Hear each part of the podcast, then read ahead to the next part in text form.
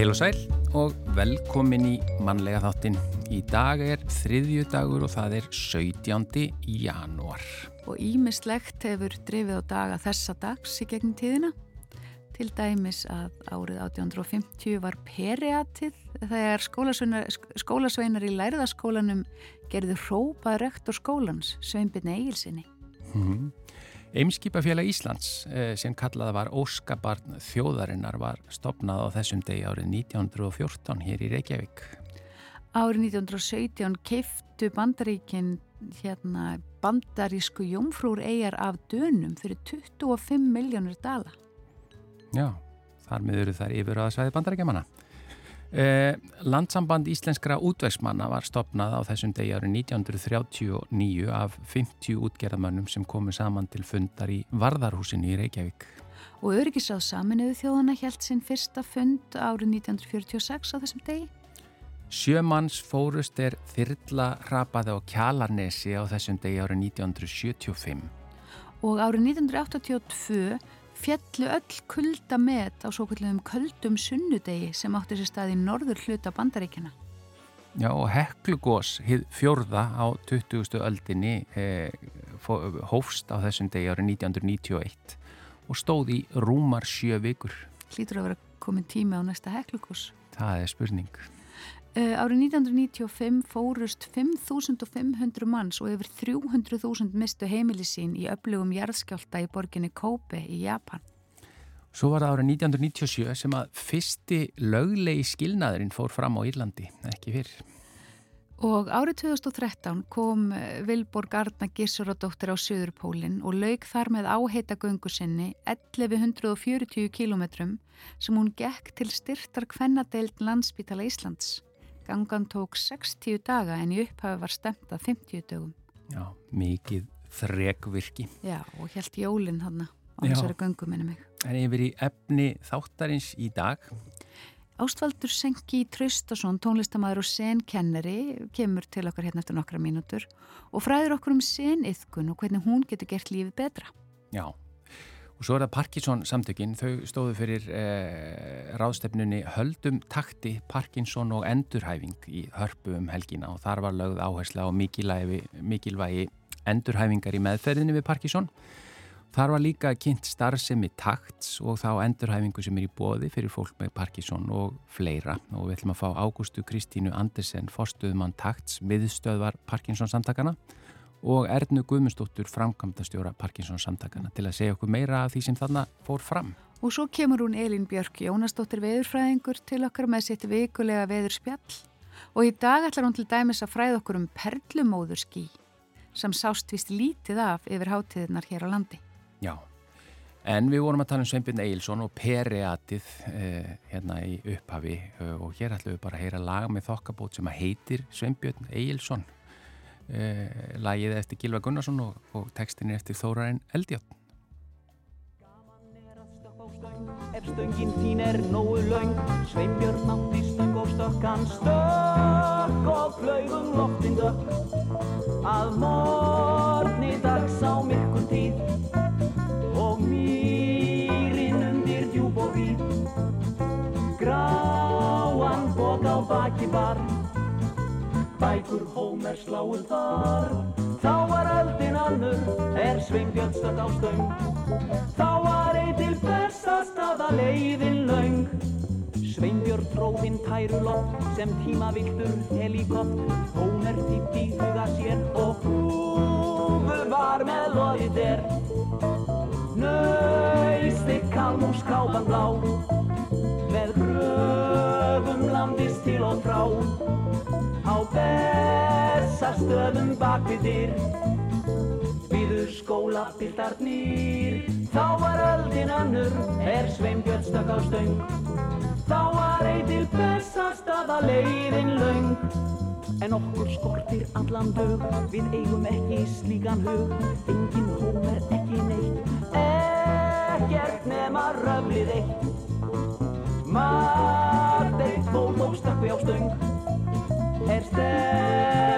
bæði lág og raung staðreindin er sem sagt svo að Sveinbjörn heitir Valbjörn nú Þá var öldin annur, er Sveinbjörn stökk á stöng. Þá var einn til bestastað að leiðin laung.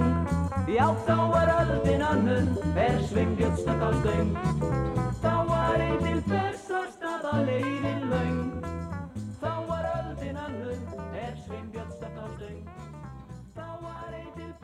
bestastað að leiðin laung. Já, þá var öldin annur, er Sveinbjörn stökk á stöng. Já, þetta var hljómsveitin Þokkabót og lagið Sveinbjörn Eilsson, eh, lag eftir Gilva Gunnarsson og texti eftir Þórarinn Eldjárn. En Ástvaldur Senki Traustason, tónlistamæður og senkennari er komin til okkar. Vertu velkomin, Ástvaldur. Takk fyrir. Um, þú hefur eh, til, svolítið tilenga lífið þitt því að stunda huglæslu og sen huglæslu. Já, já, einmitt ég tók hérna eitthvað eh, exit sem ég vissi ekki á þeim tíma en það var svona þegar ég var á, í miðju balla tímabilinu og, og spilir í hennu. Já, einmitt, með miljónumæringunum meðal annars? Já, já, já, já, að hérna, það var eitthvað svona, einhver svona köllun í mér sem að, einhver tilfinning fyrir lífinu sem að kallaði mig til sín og, og ég fór, fór að, að skoða. Hvað var það? Var það vantaði þig eitthvað í lífið eða einhverja Nei. kyrð og ró eða? Nei, sko, að það var, ég held að þetta hafi bara verið frá því að bann og ég held að við séum öll þannig að hérna, það er einhvers konar, já, bara einhver spurn og einhver undrun og, og, og það að vera eitthvað sem maður bara veit ekki hvað er, að það, það svona kallað á mig. Og uh, já, ég, þetta er það líka oft eh, kannski þjáningin sem að líka leiða, leiðir mann að því að vilja skoða betur hver maður er og, og maður kannski upplifir sig í, í svona einhverju ringiðu og er kannski alltaf að lenda í sömu hlutunum aftur og aftur eða maður hefur bara enga trú á sjálfum sér og finnst manni alls ekki vera nóg eða þið vitið allt þetta sem að einhvern veginn hrjáir okkur þrátt fyrir allt Glíman? Mhm. Glíman glíman, já og hérna, hvort það sé einhver önnur leið, sko, heldur en að fara bara aftur og aftur í eins og þetta sé eins konar ringur og, og, og hérna, hvort það sé einhver leið út úr hamstrahjólinu eða Mhm. þess að mætti segja og, og það var eiginlega það og líka bara, já, svo forvitni hvort að, að það hlýtt að vera eitthvað meira. Og, og hérna og það var einmitt það sem ég síðan komst að, tók langan tíma einhvern veginn að að komast út úr líka minni það sem að mér fannst um mig og all, minn, minn svona innri mína innri trú trúarkerfi um sjálfan mig og um, um hvernig þetta væri allt saman. Það tekur langan tíma einhvern veginn að að svona komast út úr því eða, eða sjá það bara hreinlega Varstu búin að prófa ímislegt annað áður en þú finnur senn eða? ég, Nei, ég kannski ekki beint en ég átti, sko, píanokennari minn út í Boston í Bandaríkjónu þegar ég fór þangað, ég, var þessi náttúrulega píaþráin til að spila og, og hérna tónlistin sem að líka kallaði mig og, og, og það var kennari minn út í Boston sem var sen nefandi og kynnti mig. Í rauninni, byrjaði að tala um sen við mig og ég vissi, vissi ekkert hvað það var og og síðan ekkert meira bara fyrir en ég kem heim og, og, byrja bara að spila á böllum og, og alltaf var þetta sen svona í kollinum og já, þannig kannski það fyrsta sem að ég, ég en ég held ég líka það er, það er líka svona tenging við bara hreinlega bara þjóðkirkjun og kristna trú líka. Það er svo margt í, í, sögu Jésu sem að líka er, er sem fjallar um okkur. Og ég segi það þó ég sé buddhistu og, og hérna sen prestur að þá eru við öll, þá eru við öll eins við, það er ekki fyrir við fyrir að segja hverju við er, erum að við hérna fyrir að rífast en, en við erum bara öll eins. Það er bara staðrendin En þú ert, ert sen kennari, segir ég. Já. þú fórst til Japan til að, hvernig, Já, ég er búin hvernig að gerist það?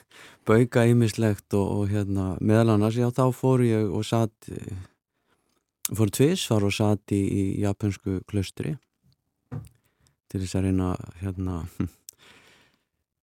skilja betur hver ég er og það er gríðarlega sterk hefð og allt kemur þetta bara út úr þessari venjulegu mannlegu þjánunga sem við upplifum öll og að því að þetta er búið að vera með manneskunni og frá örufi alltaf held ég bara frá fyrsta degi sko. Mm. að hérna frá því við fórum að skilja bara gátum spurt spurningarinnar hver er ég? Og hérna þannig að já ég gerði það. Ég fór í, út í Japan og, og satt þar í gömlu klustri og yfkaði þar lífið á þennan hátt og þessa djúbu sín og ég satt í, þetta er samtalshált ár sem að ég, ég satt sko en Og þú talar um að sitja. Já. Kvek, kvek, svo satt Sastu þá í bókstælir merkingu í halvt ár og, og hugleitir eða? Það, er, það er mjög margt í því sem að vaknar sko fjögur, fyrir fjögur á, á mótnana eða nóttinni. Og það er yðkun allan daginn. Það er, það er setið, það er kyrjað og svo náttúrulega unnið en, en vinnan er er bara í sjálfum sér yfkun líka nálgast allt lífið í þessari meðvitund mm -hmm. og þetta er auðvitað ekki það endilega að sko að taka sig út úr lífinu til þess að fara upp á fjall og bara einhvern veginn að heldur er á endan, maður getur vel verið að maður þurfa að taka sér svona eitthvað frí og fara frá til að skoða en maður þarf alltaf að koma að lífinu maður þarf alltaf að gera það sem maður lifir hér og nú, fjölskyldun okkar og, og vinnuna og, og maður þarf að finna eiginlega sjálfan sig þar. Þannig að þetta er ekki aftenging, heldur kannski meira bara tenging? Þetta er algjörlega tenging og það er held ég grundvallar svona mm, hugmyndin sem fólk hefur átt um hugleyslu að þetta sé einhvers konar einmitt aftenging og þannig að þú bara eiginlega hættir að finna og jafnvel komist hjá því að finna bara sásökan í lífinu á einhvern nátt.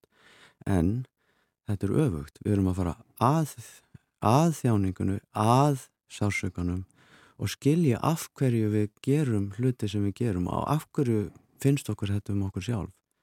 Þannig að í staðin fyrir að breyta alltaf afleiðingunni og reyna að gera eitthvað annað eða segja eitthvað annað þá förum við að rótinni og reynum að skilja af hverju. Af því að einhver starf byrjar þessi trú hjá okkur að, að lífið sé ekki heilt og við séum ekki heil. Og en auðvitað eru við fullkonlega heil og þessi stund er alltaf heil. Við erum hluti af þessi stund og þar er leiðandi alltaf heil. Þó við séum brotin og, og höfum lendum í ymsu og það er þjáningin og sásökin og allt þetta en stundin er alltaf heil.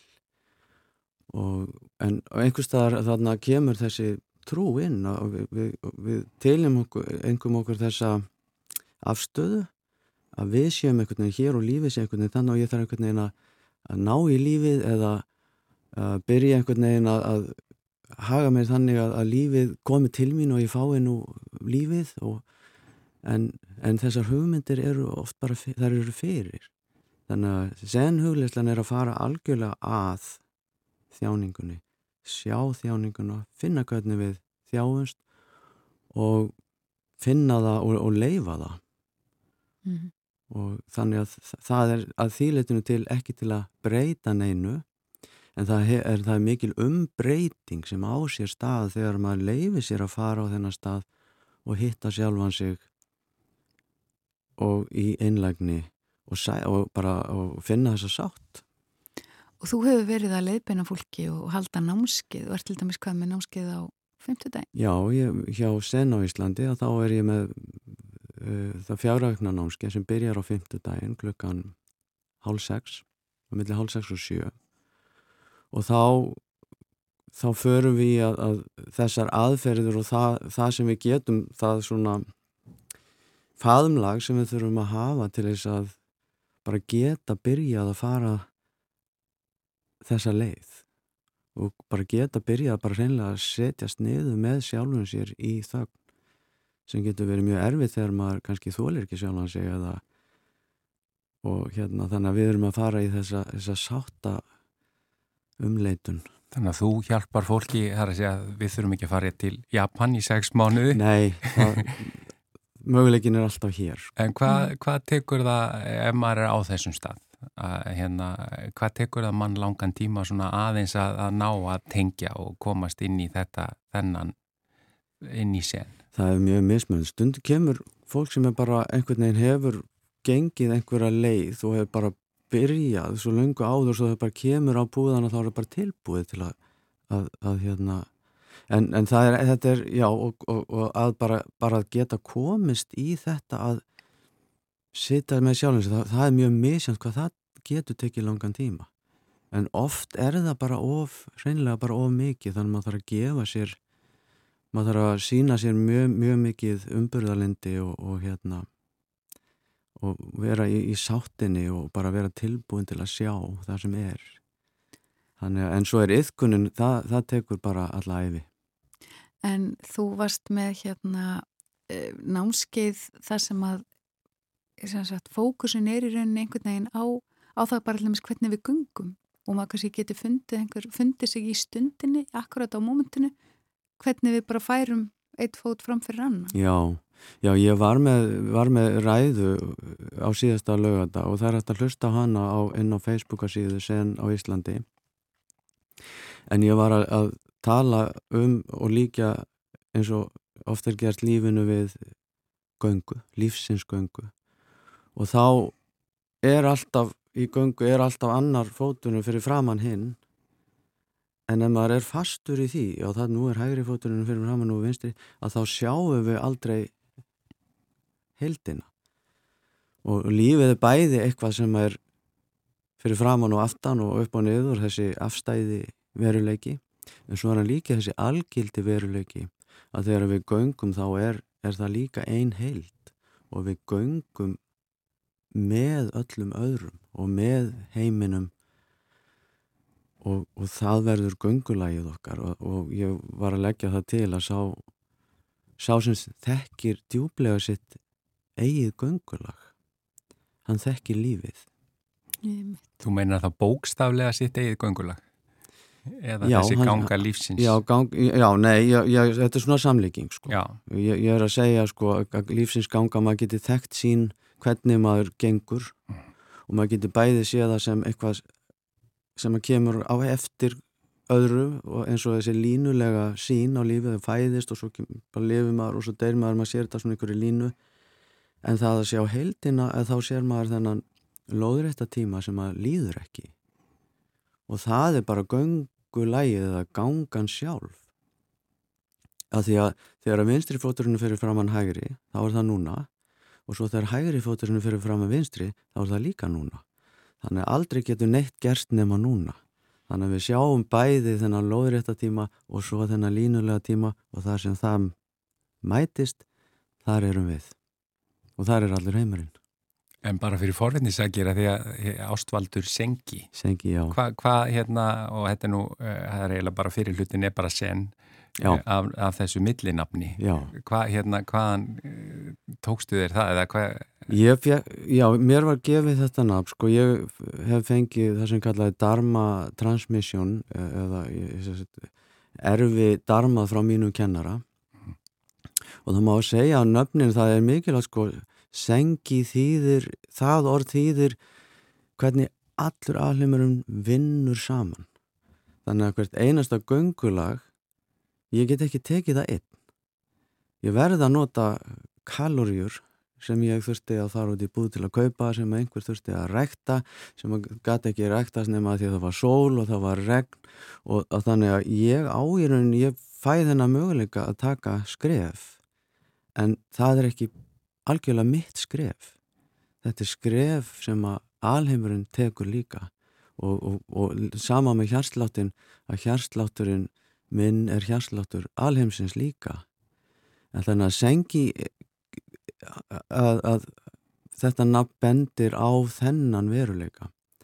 Þannig að maður segja ástvaldur sé þessi afstæði hugur það er að segja vinstri fyrir framann hægri og hægri fyrir þessi línulega sín en sengi bendir á það er allt og ekkert getur komið fyrir eitt nema það komið fyrir allt. Já, eh, byrja námskeið á fymtudagin Já, námskeið byrjar á, á fymtudagin og það er bara um að gera kíkja á bara heimasíðan að sen.is eða á, á hérna sen á Íslandi á Facebook og endilega koma og, og læra að fara í þetta djúpa ferðalag.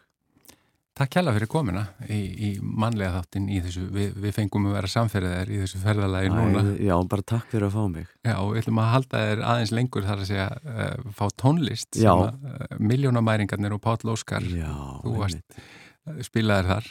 Jú, jú, og bara það var dásamlegu tími. Já, þetta er Pappi Vill Mambo, Ástvaldur Sengi Traustarsson. Takk fyrir komina. Takk fyrir að fá mig. Takk.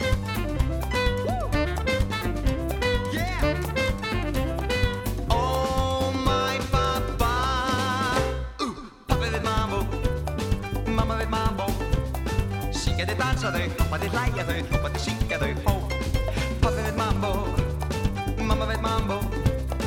Þetta þau dansa þau, hoppa þau, hlæja þau, hoppa þau, syngja þau, hó Hann fer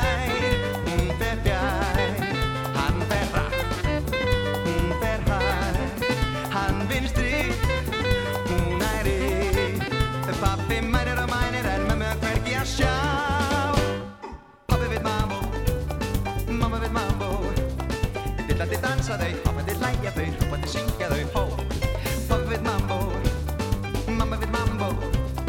Nefnd ekki valsa og nefnd ekki polka því Pappi veit mambo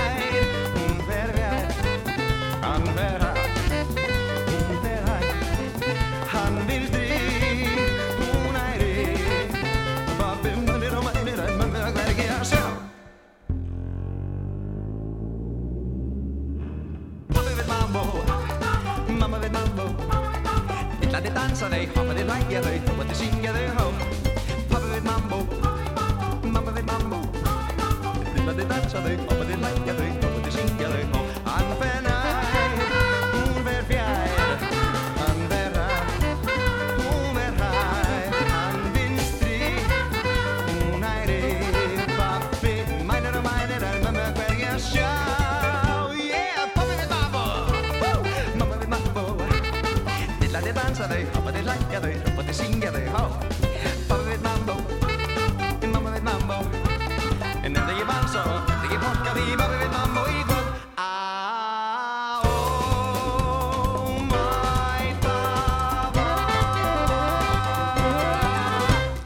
Þarna heyrðum við Pálaskur og miljónumæringarna flytilagi Pappi vill Mambo í dinjandi Mambo-takti. Uh, Lægið er eftir Fischer og textahöfundur Rókunnur en Haugur Mortens gerði þetta lag fyrir, sagt, gerði þetta lag þekkt fyrst fyrir mörgum árum. Já, já, þekkt semst hér á Íslandi. Hér á Íslandi allavega. Já, og, og Ástvaldur uh, Sengi Traustarsson einmitt spilaði með miljónumæringunum sem við vorum að tala við áðan. Uh, en það er komið að Parkinson samtökunum og takti. Hingar það komnar Ágústa Kristín Andersen, fórstuðumæður takts og, og miðstöðar Parkinson samtakana og Erna Guðmundsdóttir, framkvæmdastjóri Parkinson samtakana. Uh, Parkinson samtökin eru 40 ára í ár, ekki sett? Jú, samtökinn voru stopnuð árið 1983 og fagna 40 ára amali og það hefur mikið vatnrunni til sjávar á þessum árum en við opnum sagt takt miðstöð Parkinson samtakana sem er endurhæfingarstöð í gamla Sandi Jósef spítala í Hafnafyrði og við byrjum núna amalis árið á því að, að halda ráðstöfnu um helgina á lögudaginn þar sem var hérna markmiðið að, að kynna takt og, og þess að fjölhæfu endurhæfingu sem þar eru bóði. Höldum takti, hétt er mitt rástefnum, var það ekki? Jú. Já, skemmtilegur orðaleikur þar. Já. Já, við erum mjög hrifnar á orðalegjum. Já. Já. En hérna, þar er voruð þið að leggja áherslu á endurhæfingu eða ekki í meðferðinni? Jú, svona, þetta var svona tvíþætt, við erum að leggja áherslu á endurhæfingunum en kannski leið að vekja aðtikla og, og svona fræða fólk almennt um hvaða eru mörg andlit á Parkinsons sjúdómnum og hvað Já. eru marga byrtingamindir og hvað eru mörg enginni, þannig að flesti sem að þekkja sjúdómuna á svona hreyfi enginnum en það eru líka svona mýmörg enginni sem eru svokvöldu ekki hreyfi enginni sem getur verið bara mjög erfitt að eiga við og, og, og skerða lífskeiði fólks mjög mikið sko. Þannig að þessi endurhæfing hún vinnur með að bæta inkennin sjúdómsins og þegar það koma fram og bæta lífskeiði og svo líka bara stuðlað á, áframhaldandi vinnu getur fólk sem er ennþá að vinna Já. til dæmis þannig að hérna og þessi inkenni eru náttúrulega þess eðlis að hérna, það þarf að skoða þetta alltaf heildrænt bara hjá hverjum og einum og eins og Anna kom inn á þá hérna í sínu fyrirlestri núna á, á rástefninni þá kom hún inn á það og útlistaði mjög svona nákvæmlega, fór nákvæmlega yfir það hvaða, hvaða enginni það eru sem eru reyfi enginni, ekki reyfi enginni en svo líka við hvað enginnum lifvirka og svo við hvað enginnum lifvirka ekki en eiginlega bara endurhæfing. Þú segir Anna? Anna fyrir ekki, Anna Bjöstóttir taugalæknis. Já, Já, svo, svo það sé nú hreinu, sko. Já. Já. Á hvaða aldri er algengast að þessi sjúkdómar láta á sig kræla? Það er algengast í kringum 60. Það er svona 60 pluss mínus, en, en það er samt sem áður tölveru hópu sem greinist á melli 50 og 60 og jafnvel yngra og alveg bara á, á sko 30 aldurinn sem fólk er að greinast en flestir eru svona í kringu 60 og þetta er ekki öldrunarsjúdómur þó vissulega aukist áhættan með hækka, hækkandi aldri En hefur er eitthvað vitað af hverju sömur fá Parkinson og aðrir ekki? Nei, það er eiginlega alveg óljóst og það eru hérna margar ansóknir í gangi en það eru svolítið svona út um allt ennþá af því að það er bara ekki komið ljós að hverju af hverju sumir þróum þessi Parkinson og aðrir ekki og svo verðist Parkinson líka líka meira í sumum ættum heldur en öðrum. Þannig að hérna, við erum ennþá svona bara býð eftir því að, að rannsóknar aðla finni út því hvað hva veldur þessum sjúdómi og það er svolítið verið að skoða svona meldinguna hvort þetta er upptökt sín þar. Og það er svona eitt af því sem verður að skoða. En við býðum ennþá eftir því og við býðum líka svolítið eftir uh, að livjathróunin uh, verði betri. Við höfum verið með einlega sömur lifi í, í 50-60 ár þannig að, og lítil þróun orða á því sviði er mikið rannsóknum í gangi þannig að við erum nú bjart sín á að er fara að skila, skila árangri. En, en talandu um liv, að því að sko Parkinson e, eins og í, í punktum hérna sem við fáum frá okkur er að þetta hefur þetta mikil áhrif á lífið bara á marga vegu en því orðið hérna reyfing er liv.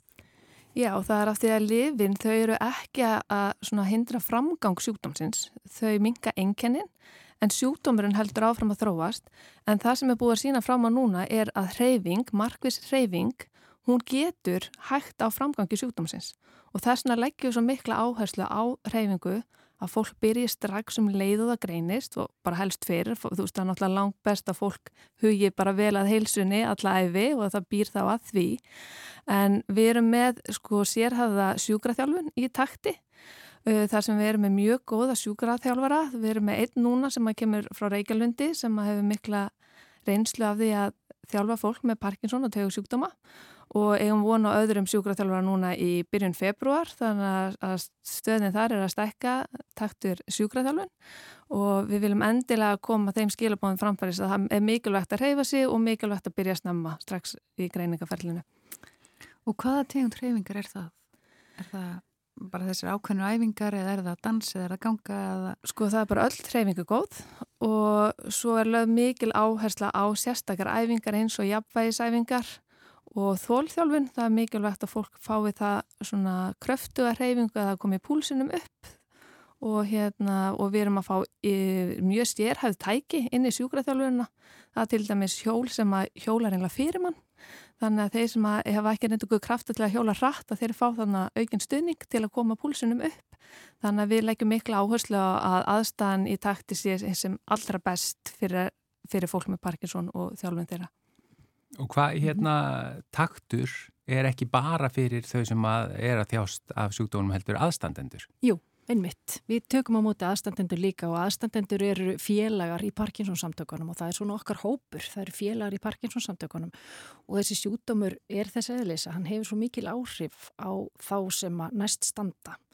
Því að uh, það, það getur orðið um að sér oft þetta munstur, það verður mikið álag sérstaklega á maka. Og þetta álag svona eikst jamt og þjætt, fólk kannski tekur ekki endilega eftir því og leitar sér eftir vil ekki hjálpa fyrir en að hlutnir og orðnir mjög svona kannski alvarlegir og krítískir. Þannig að við svona lítum á það sem okkar, eitt af okkar hlutverkum er bara stiðja fjölskyldur þeirra sem að hérna, svona það sem að einhver aðli er færa þessa greiningu Þannig að, að það er mikilvægt að styðja við baki á þeim og líka hvað varðar bara upplýsingaöflun og þekking á sjúdómnum og hvað er eðlilegt og hvað ekki og, og þess aftar. Þannig að við reynum að ná utanum sem flest og við erum þetta að byrja núna bara í þessu mánuði eða snemmi þeim næsta með svona stuníshópa fyrir aðstandendur og þá bæði fyrir maka og svo fyrir uppkomin börn þeirra með Parkinson. Við heldum einmitt fræðslega námskeið fyrir skömmu fyrir, fyrir börn þeirra, svona uppkomin börn þeirra sem er með Parkinson og það var alveg gríðarlega velsótt og, og síndi okkur fram á það. Það var það, var, það sem okkur grunaði eða það sem við vissum að e, oftast nær á þessi stað svona, þess, þegar börnin er farin að heiman sem er kannski mamman eða pappin fara greiningu hjónin vilja svona kannski bara halda þessu svona fyrir sig fyrstum sinn er sjútumur í vægur og, og þau svona geta þetta alveg og vil ekki vera trubla börni sín þau hafa svo mikið að gera. En svo vestna sjútumurinn og, og það er erfitt að brjóta ísin það er erfitt að fara að tala um þetta. Börnin eru svona kannski byrju hvað er að gera? Hvað, hvað sjútumur er þetta í raun og veru? Það virðistur alveg í lægi þegar við hittum þau. Þannig að þetta er svona eitthvað sem við vitum að, að, að hérna, við getum komið inn og hjálpa fólki með svona bæði til að fræðast um sjúdóminn og líka svona kannski til að átta sig á því hvernig best að hjálpa og hvað er hægt að gera. En þið segið það er engin þröskuldur inn í takt. Hvað er þið við með því? Það er bara, það, það er beitn og breyðvegur. Það, það, er ekki, það er bara opið. Það er hægt að ringja, það er hægt að senda tölpost, það er hægt að koma til okkar og þetta þýr einhver það, það þarf enga beðni frá lækni eða slíkt. Það heldur er bara hægt að koma inn til okkar og fólk kemur á öllum stigum sjúdómsins í raun og veru og, og allstar að og er með mjög ólík viðfánsefni og það sem skiptir máli þessu, þessar endurhafingu er að, að skoða einstaklingin. Rá, Rástefna hérna- var um helgina já. en þið fengu góðar frettir bara rétt fyrir helgi ekki sett. Mm -hmm.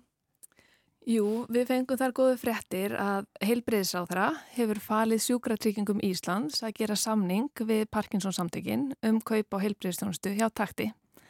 Þannig að við sjáum núna að, að við getum hort björtum augum til framtíðar og þetta mun stiðja núna við rekstur takt á næstu árum og við bara hlökkum mikið til þess samstarf sem við höfum átt við, við heilbriðis yfirvöld. Þetta mm. má kannski alveg taka fram að þetta er svona samstarfsverkefni þar sem að við erum núna í húsnaði hérna, í lífskeiðarsæti St. Jó sem er ekki að hafna fyrir bæ og Oddfellow kom inn með styrkt og gerði upp húsnaði fyrir okkur. Svo höfum við fengið marga styrki frá ymsum styrtasjóðum, einstaklingum og fyrirtækjum og fólki, tónlistafólki og ymsum alveg sem hafa komið að því að styrkja starfsemina. Og svo er ríki núna að koma að þessu með þessum hætti. Þannig að þetta er svona gaman hvernig, hvernig margir koma að þessu verkefni og við erum bara mjög þakklátt fyrir það tröst sem okkur er líka sínt með þessu. Og Markmið okkar er náttúrulega að veita sem besta helbreyðstjónustu fyrir fólk með Parkinson og fjölskyldu þeirra eins vel og okkur er und hverju sinni. Já, og svona innan þess ramma sem við erum að vinna, Já. sem snýrað endurhæfingu. Já, eh, bara til hafmyggjum með þetta og, og, og til hafmyggjum með 40 ára ammali, það verður vantarlega eitthvað gert meira í ár. Já, við, við erum svona allir maður að láta svolítið fyrir okkur fara á þessu ári. Já, mm. mjög gott. Ágústa Kristín Andersen, fórstuðum að takt smiðstöðar Parkinson samtakan og Erna Guðmundsdóttir, frangandastjóri Parkinson samtakan. Takk innilega fyrir komuna í manlega þáttin. Mm, takk fyrir okkur.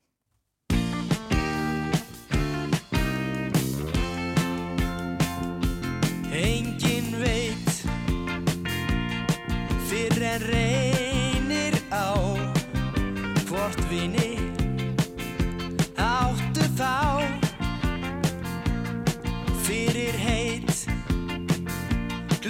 gleymast á förðu fljótt.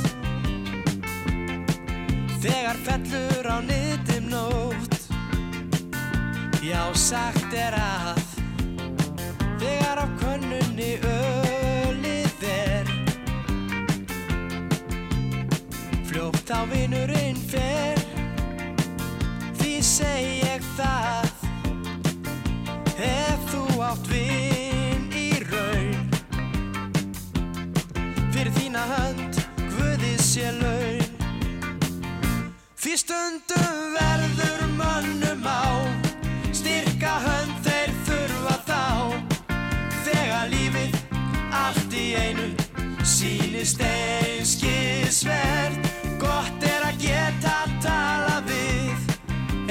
sem að skilur þig. Traustur vinur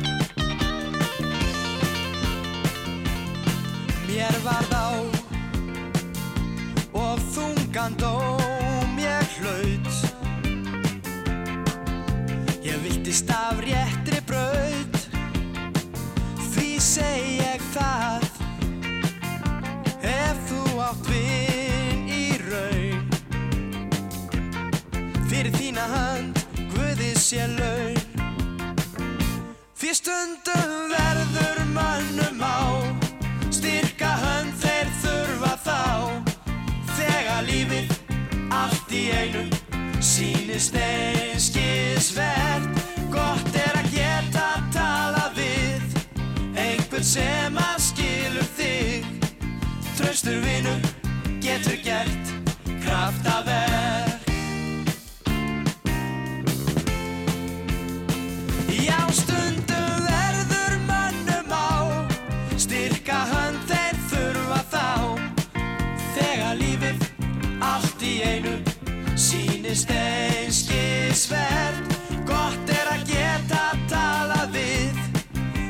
sem að skilur þig. Traustur vinur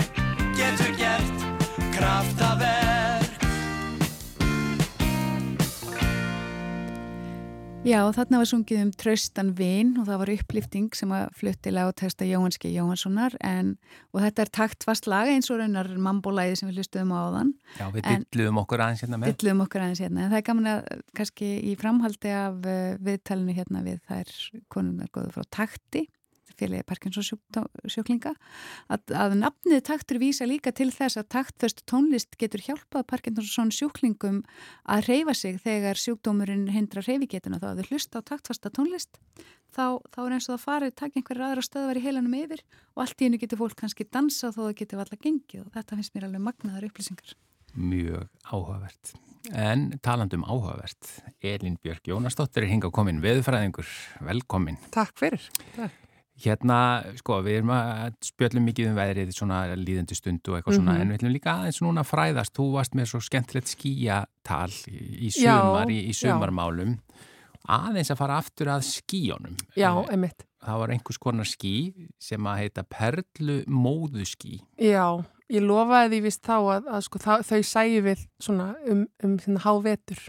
Mm. Hérna, heita, við, við kallum þau glitski eða notum orðið glitski, svona oftast. Eh, en svo áttaði því mig bara á því í hérna gæri að fyrir dag þegar samfélagsmiðlarna mínir fylltust af norðurljósamyndum Já, sem gerist reglulega. sem gerist reglulega, en þetta var nú svona í meira lagi núna um helgina, en hérna að ég hef fengið afskapla fáar myndir af glitskjum þennan veturinn. Já.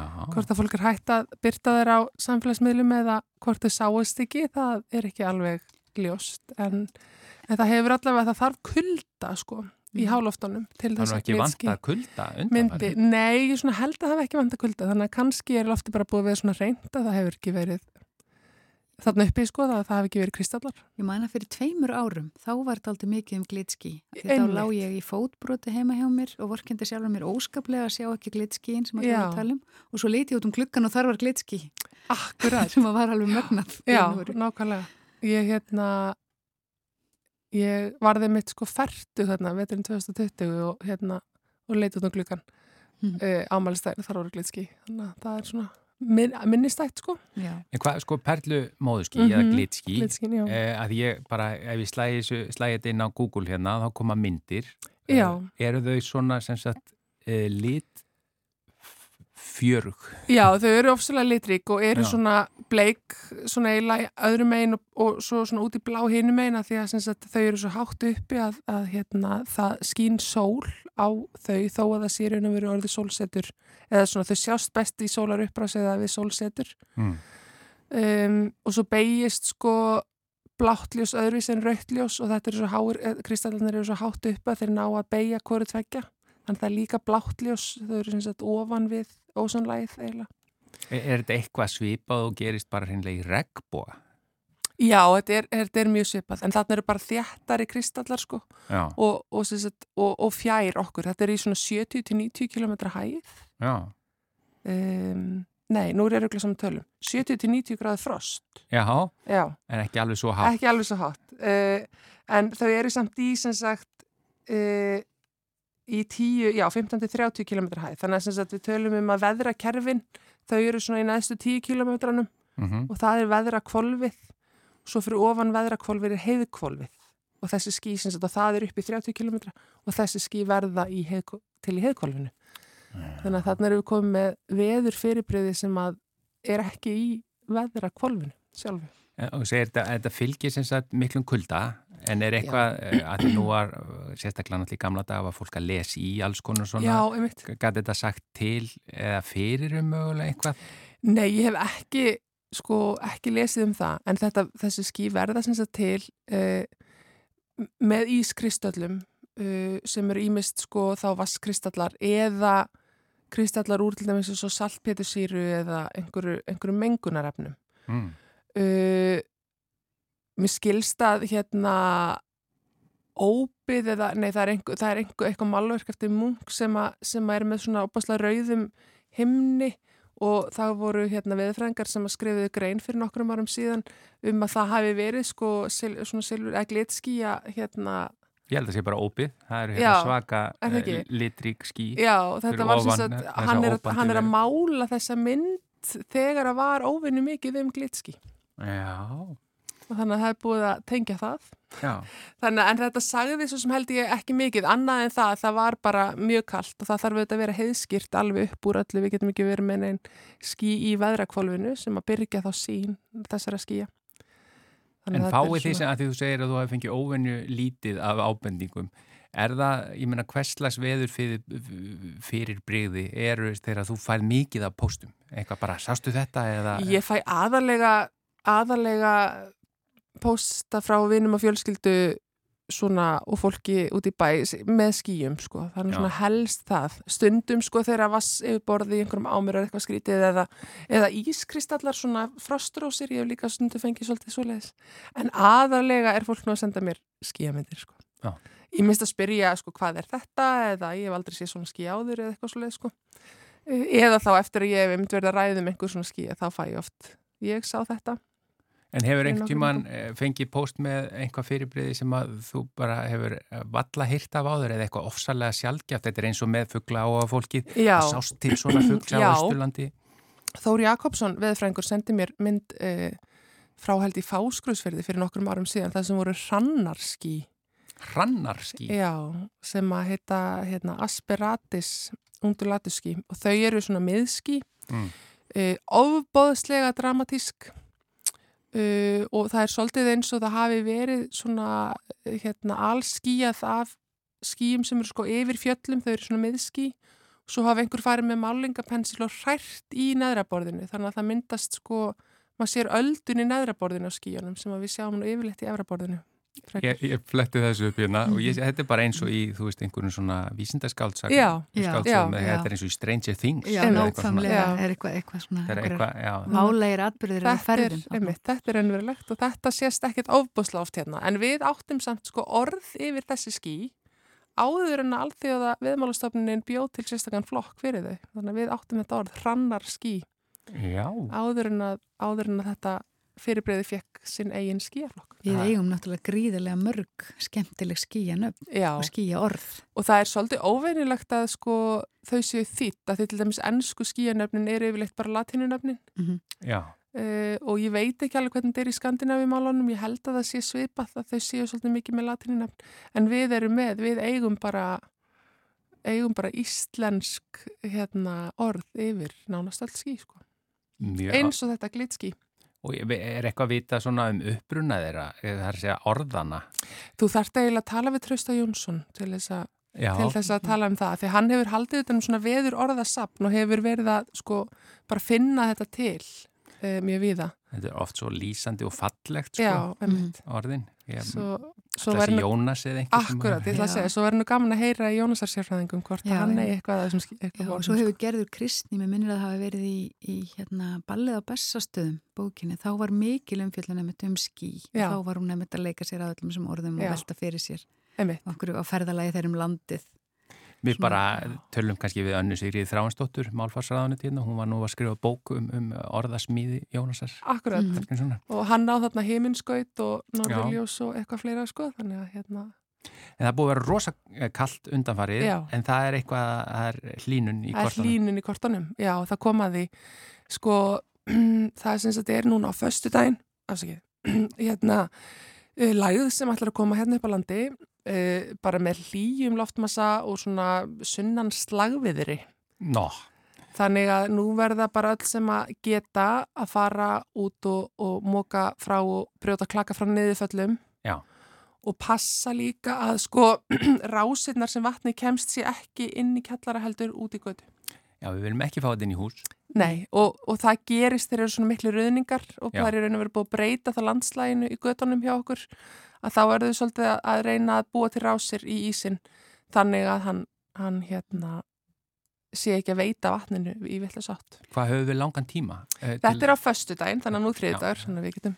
og er einhver von til þess þá að þessi skabla, skabla fjöll eh, láta allavega nógu mikið á sjá til að það verði svona Já, Förum að sjá Malbygg aftur. já, sko ég hugsa nú, sko allavega hér eins og til dæmis í Reykjavík er nú búið, búið að reynsa sko stæstu hraukana sko sem var, var búið að stapla upp uh, víða, þannig að ætti, það ætti að hérna alveg að ganga. Þetta er ekkit óbærslega langu tími en þetta er alveg svona 12 tímar kannski með, með svolítið rókareikning og hlýjendum og svo er svona áfram til þess að gera hlýtt sko uh, í kortunum. Uh, þannig ég myndi nú svona halda að einmitt þar sem að er búið að móka eitthvað og, og hérna gangstýttir og götur og svona sem að, sem að eru ekki á kafi, þar ættum við að sjá í Malbygg. En ég hugsa nú að það verði alveg ruðningar áfram. Það verður talsert að slappi. Ég hugsa að verði slappi, já.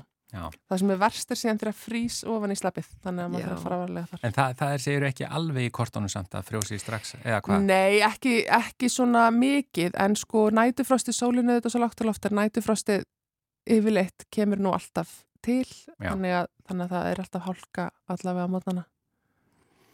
Já, þá vitum við það, það er perlu, móðuskí, hrannarskí og, og Já. svo hlýjindi fram hlýjendin. Fyrir að li- litast um eftir, eftir perlumóðu skíunum, vonaðu sjáist áður en það fyrir að hlýna. Endilega.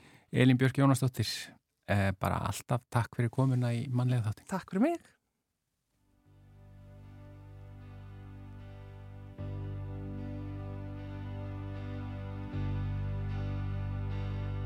Ég legg metna minn í það að míga úti og í mannskaðanum varð ég undir vegg. Í stangarholti kúldrast ég hjá knúti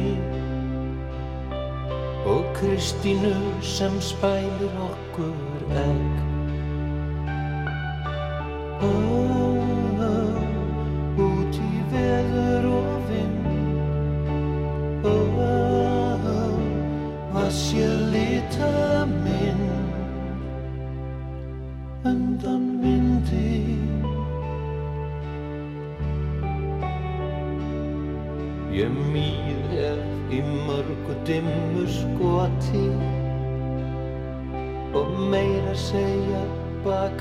Hjá þér.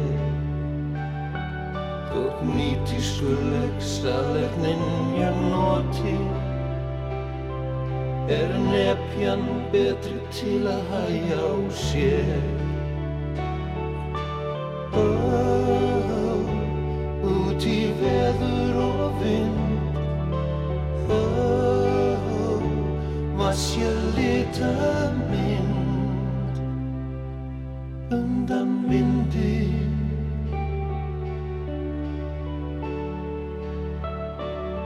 Afi kendi mér sem ungum pildi Aldrei að láta deigan síga. Og þegar kuldin kvíka silfri trillti Hann kendi mér í lóana að míga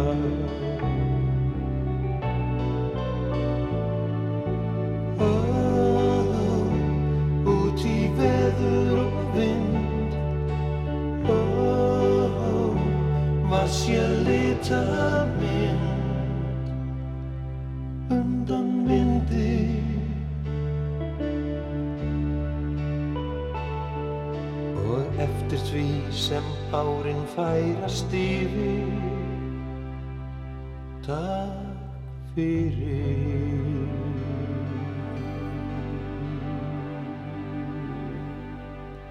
Þetta er dásamleg loka lína í lægi. Já.